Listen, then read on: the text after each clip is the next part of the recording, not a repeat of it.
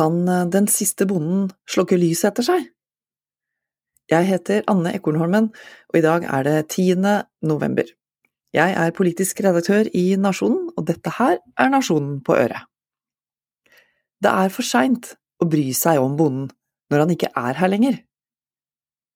Det finnes antagelig ei nedre grense for hvor få lærere vi kan ha i skolen, før det går alvorlig ut over elevenes opplæring og utdanning.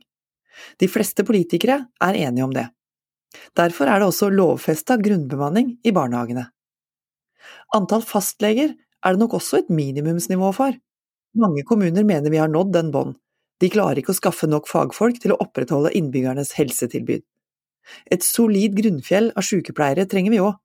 Vi snakker om samfunnskritiske yrker. Når 15 000 ansatte i helsevesenet sier de har lyst til å slutte, bør det uroe mange flere enn helseminister Ingvild Kjerkol fra Arbeiderpartiet. Hele 18% av sykepleierne vil egentlig forlate helsetjenesten for heller å jobbe andre steder, viser en ny undersøkelse fra Norsk Sykepleierforbund. Årsaken er høy arbeidsbelastning og lav lønn. Det lyder som et ekko fra jordbruksnæringa. Vi skal støtte og hjelpe Forsvaret ved krise og krig, Derfor må politikerne ta grep i vår sektor, og det enkleste for dem er å gjøre noe med lønna, sier forbundsleder i Sykepleierforbundet, Lill Sverresdatter Larsen, til Sykepleien. Hører du, Geir Pollestad, landbruks- og matminister fra Senterpartiet? Jeg tipper både Bjørn Gimming i Bondelaget og Tor Jakob Solberg i Bonde- og Småbrukarlaget har fortalt deg akkurat det samme om norske matprodusenter. Det er et nasjonalt problem at de ansatte i helsevesenet i tur og orden kaster inn håndkle. Kyndige, utdanna, uthvilte fagfolk i denne sektoren er bokstavelig talt livsviktig. Omtrent like viktig som mat. Så hvorfor roper ikke flere alarm når ett gårdsbruk legges ned hver dag? I fjor var det 37 682 bønder. 397 færre enn året før. En nedgang på 1% ifølge Statistisk sentralbyrå, i et samfunnskritisk yrke. Jo da, det er et positivt faktum at produktiviteten i jordbruket har økt eventyrlig gjennom mange år. Vi trenger mindre areal i dag for å produsere større avlinger. Færre bønder lager mye mer mat til flere. Kunnskap og teknologisk innovasjon på maskiner og plantevekster har økt effektiviteten kraftig. Det er bra for alle. Men det går ei grense et sted. Alle yrker har ei fysisk og psykisk grense for effektivitet. På et tidspunkt er det stopp. Begeret fullt, døgnet tomt for timer.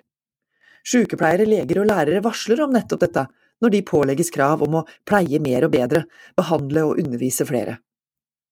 Hører vi det når bøndene varsler?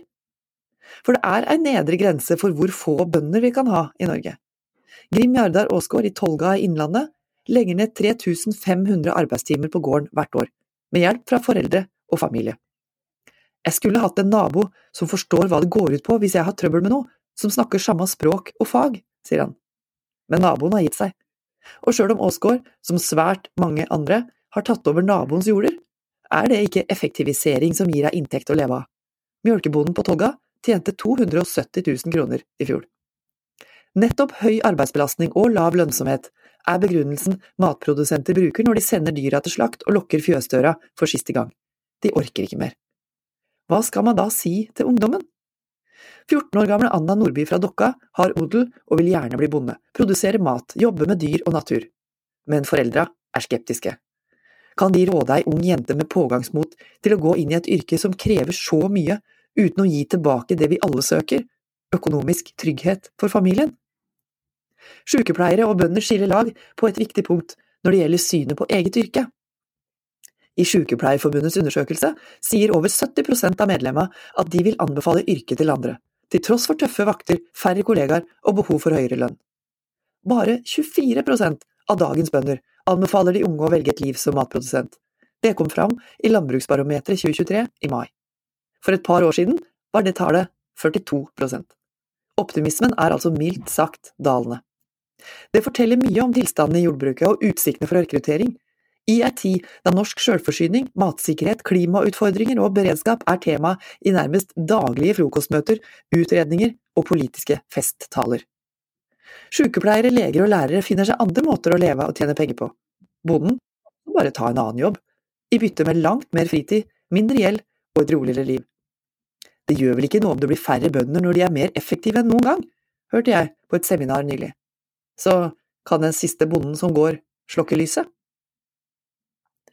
Dette her var Nasjonen på øret. Anne Ekornholmen heter jeg, og hvis du vil høre flere kommentarer lest opp, så finner du dem på Spotify eller andre steder du hører dine podkast, og selvfølgelig på nasjonen.no. Ha en god dag!